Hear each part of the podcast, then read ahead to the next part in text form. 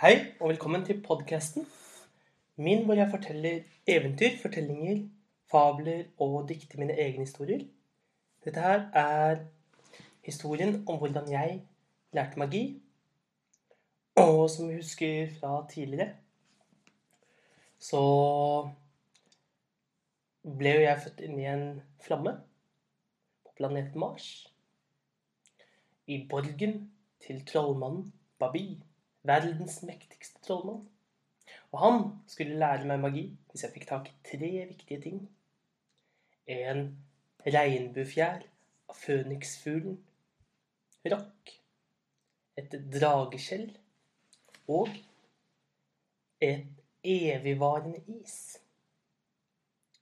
Jeg dro oppover og kom høyt oppover et høyt fjell, hvor jeg møtte på Snøreven 7. Sammen Eh, besteg vi fjellet. På toppen av fjellet, der var det et stort slott i is og snø. Inne i slottet fant vi fem dører. Og den første døren, den var jo Der var alt fryst til is. Og i det andre rommet, der var det ild og lava. Men der fant vi også et ildsverd og med det ildsverdet så smeltet vi isen, isen i den første rommet. Og ut av isen kom det fire dyr som vi reddet. Det var en rev med ni haler, en blå kolibri og en skilpadde og en maur så stor som en hest. Mauren den fortalte oss en historie om hvordan de var blitt fanget av den onde trollkvinnen Ysma, som en gang hadde vært elev hos Babi. Men hun hadde så mye ondskap at hun ble forvist og fikk aldri noensinne mer lov til å være i nærheten av Babi. Og Mauren fortalte oss også at vi var på rett vei, for på taket av slottet ville vi finne regnbuefuglen Rock, verdens største fugl. Men for å komme dit måtte vi løse gåten i alle fem rommene. Og vi hadde akkurat gått inn gjennom den lilla døren, den tredje døren. Og den var lagd av bergkrystall. Vakker, lilla bergkrystall. Og nå slo vi virkelig øynene opp, Sju og jeg. For her inne var det vakrere og mer mystisk enn noen ting vi hadde sett før. Det var et lilla skjær i rommet. Og hvor enn vi så, så hang det høye, lange, rare ting ned fra taket og opp fra bakken. Det var nemlig stalagmitter som drypp, hvor det hadde dryppet små perler av lilla væske ned fra taket. Og de hadde vokst seg større og større. De hadde blitt høye, høye tårn.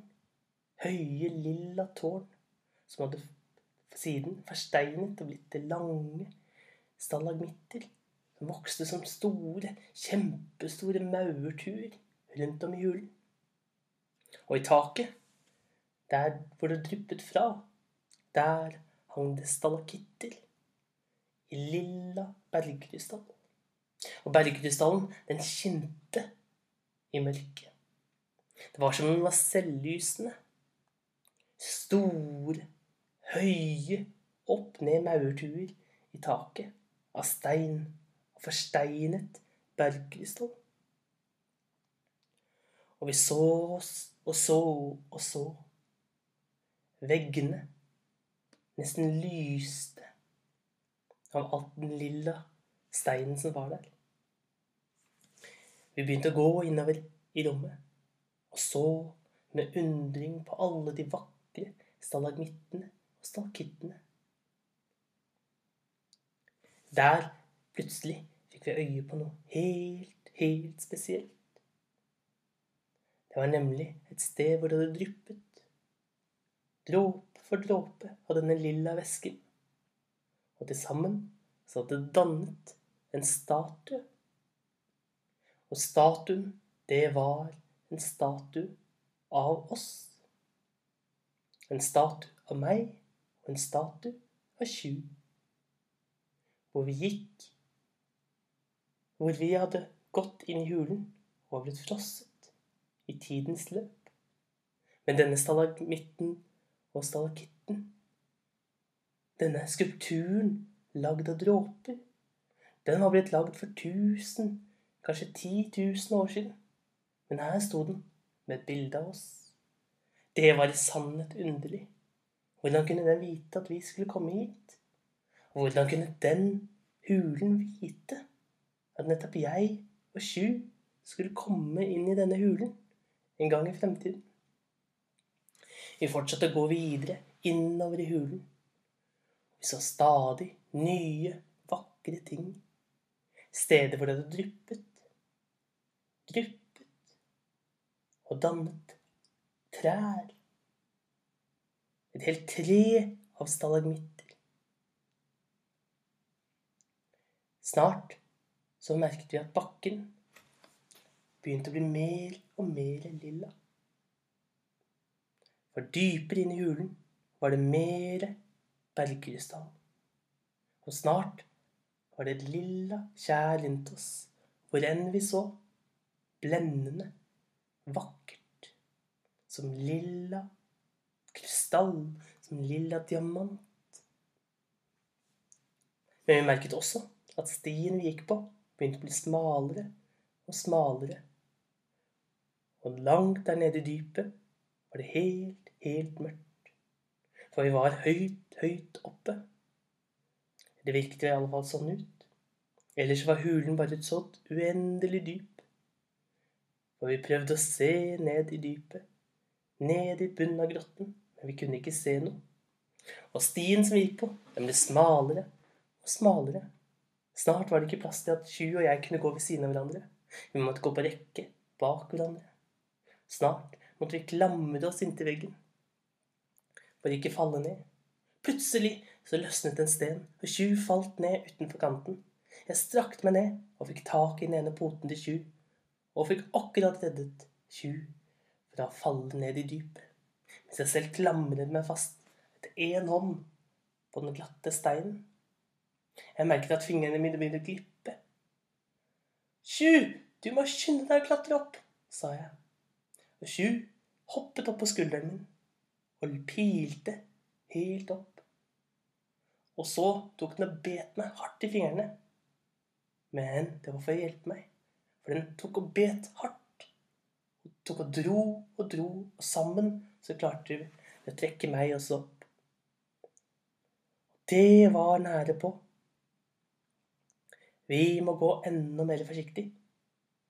Vi klamret oss fast til bergveggen. Men stien sa stadig ble vanskeligere å gå på. Og det var så bratt. Det var så langt ned. Langt, langt der nede i mørket.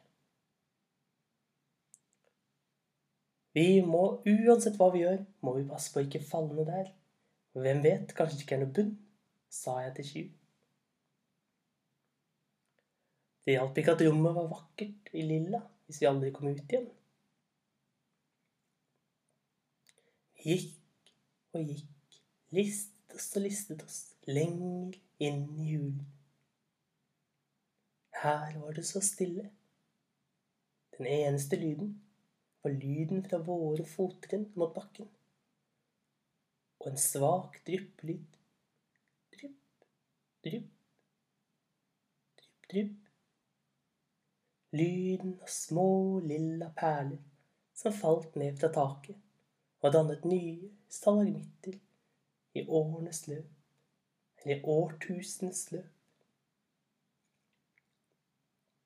Vi kom ut på en avsats, et sted hvor vi var litt større, og vi kunne stå ved siden av hverandre. Vi snek oss ut på kanten og tittet ned, og der nede, der så vi et lys under oss. Lyset var gull svakt lys av gull kom opp fra grotten. Og vi tittet, la, tittet ned, men det var så langt ned. Falt vi ned der igjen, ville vi aldri kunne klare å klatre opp igjen. Da plutselig så vi noe som fikk oss til å skrike. Eller jeg skrek. Tju klynket. For fram fra mørket kom en klo. En svær, rød klo. Kloen, den var, så, var virkelig gigantisk. Jeg som syntes at mauren som vi hadde møtt, var stor. Denne kloen, den var mye, mye større. Kloen var like stor som den største elefant. Nei, enda større. Kloen var like stor som fem elefanter. Og ut av mørket kom en ny klo, like stor som den forrige. Klørne tilhørte verdens mektigste krabbe. Det måtte de iallfall gjøre.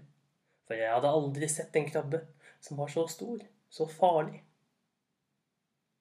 Og krabben kom krypende mot oss sidelengs. Sju og jeg hadde ikke noe valg. Enten måtte vi slåss mot krabben, eller så måtte vi hoppe ned i grotten og håpe at det var mykt der nede. Håpe at vi fant en vei ut. Krabben kom gående sidelengs mot oss, åpnet de store klørne. Klikk, klikk, pleier det å si når en krabbe klapper klørne sammen. Men når denne krabben klappet klørne sammen, da var det som om hele bakken ristet. Jeg så på Sju, og vi ble enige. Vi hoppet rett ut i ut av kanten, ned mot det gullfargede lyset. Og vi hadde flaks. Vi landet på noe mykt. Kadunk, sa det. Og vi så oss om. Hva var det vi hadde landet på? Samme kunne det være, for nå hadde vi sluppet unna krabben. Vi så ned. Hva var det vi hadde landet på? Det var noe rundt og mykt.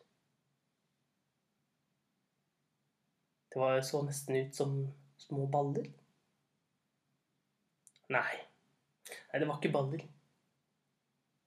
Det måtte være egg. Vi hadde landet i en haug med rare egg. Røde egg. Men de var ikke sånn som hønseegg med et hardt skall rundt. Disse var myke, som geléklumper. Det var tusenvis av egg rundt oss. Ja, kanskje ti tusen egg. Røde, små og store egg. Hva slags egg var dette? Plutselig så, vi at eggene rundt oss begynte å åpne seg. Ut av eggene kom det klør. Krabbeklør. Vi hadde landet i en haug med krabbeegg. Og vi begynte å se oss rundt.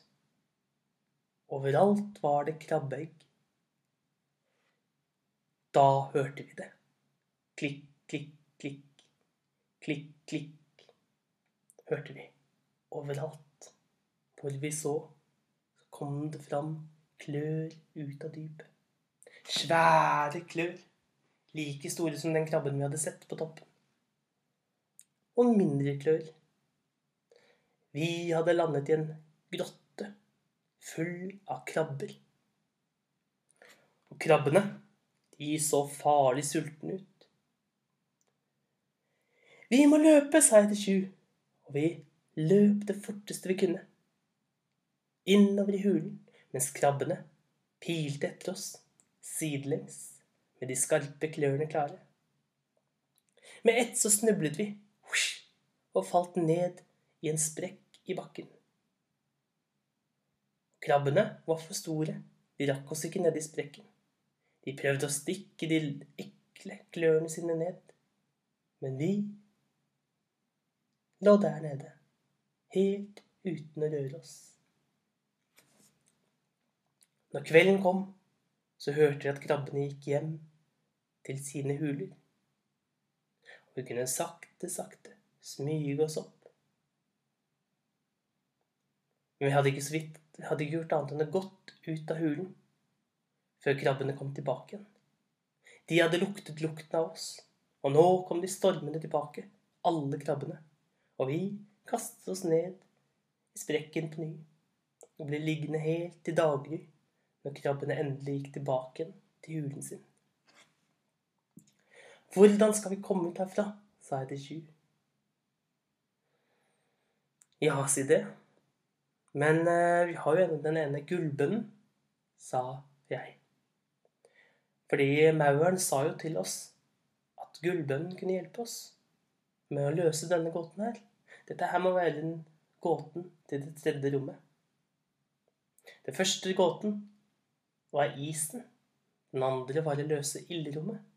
Dette her må være å løse krabbenes rom.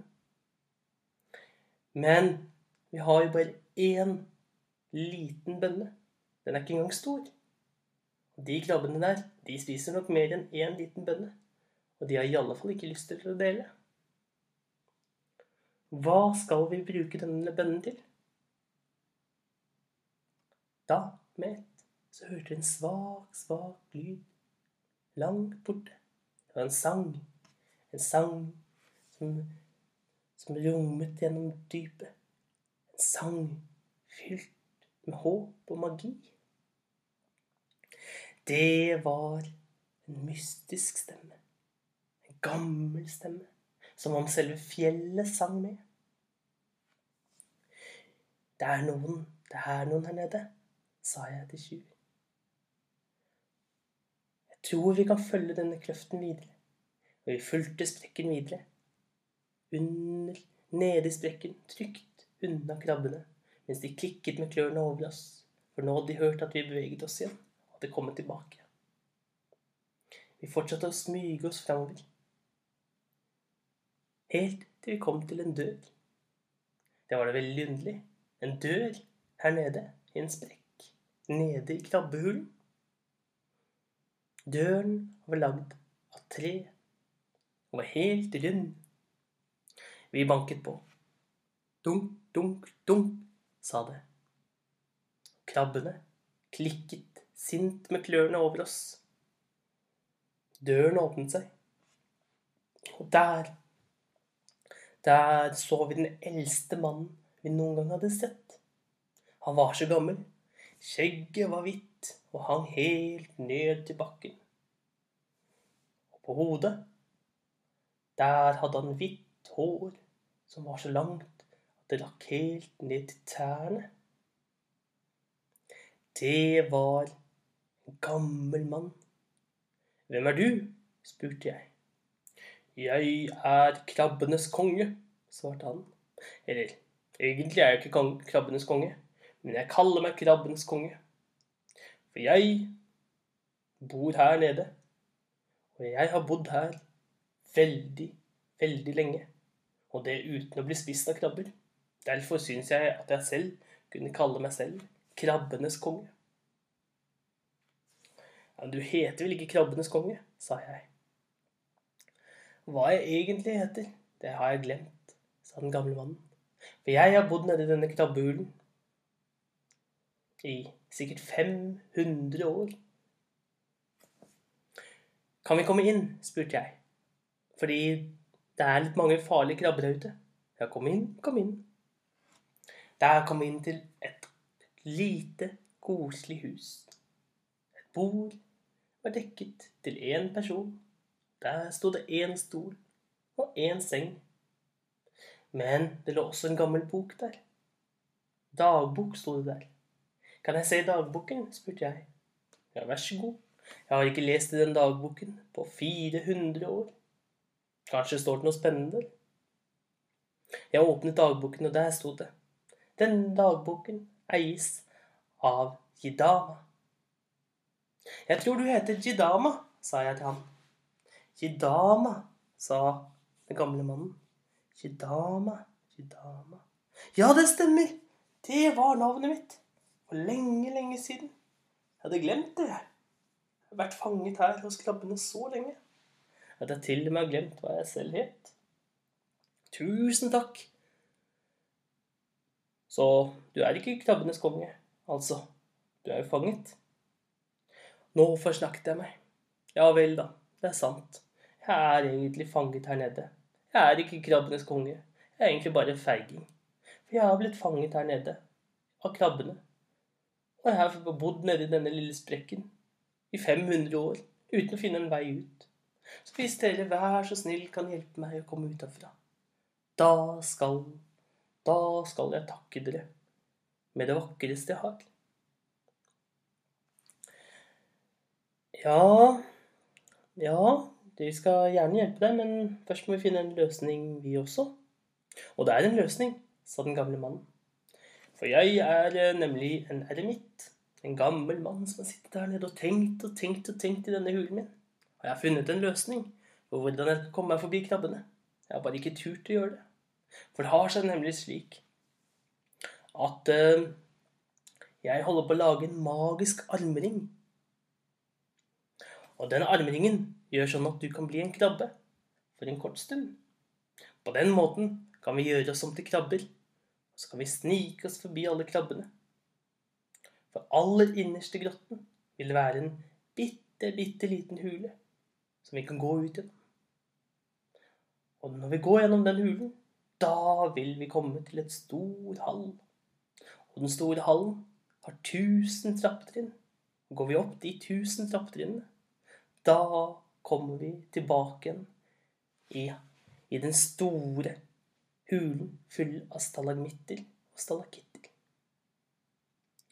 Men for å kunne, kunne lage denne magiske armingen, da trenger jeg en eneste ting til som jeg ikke har. Jeg trenger en gullbønne. Og hva som skjer videre, det vil vi få høre i neste episode, som er på søndag om en uke.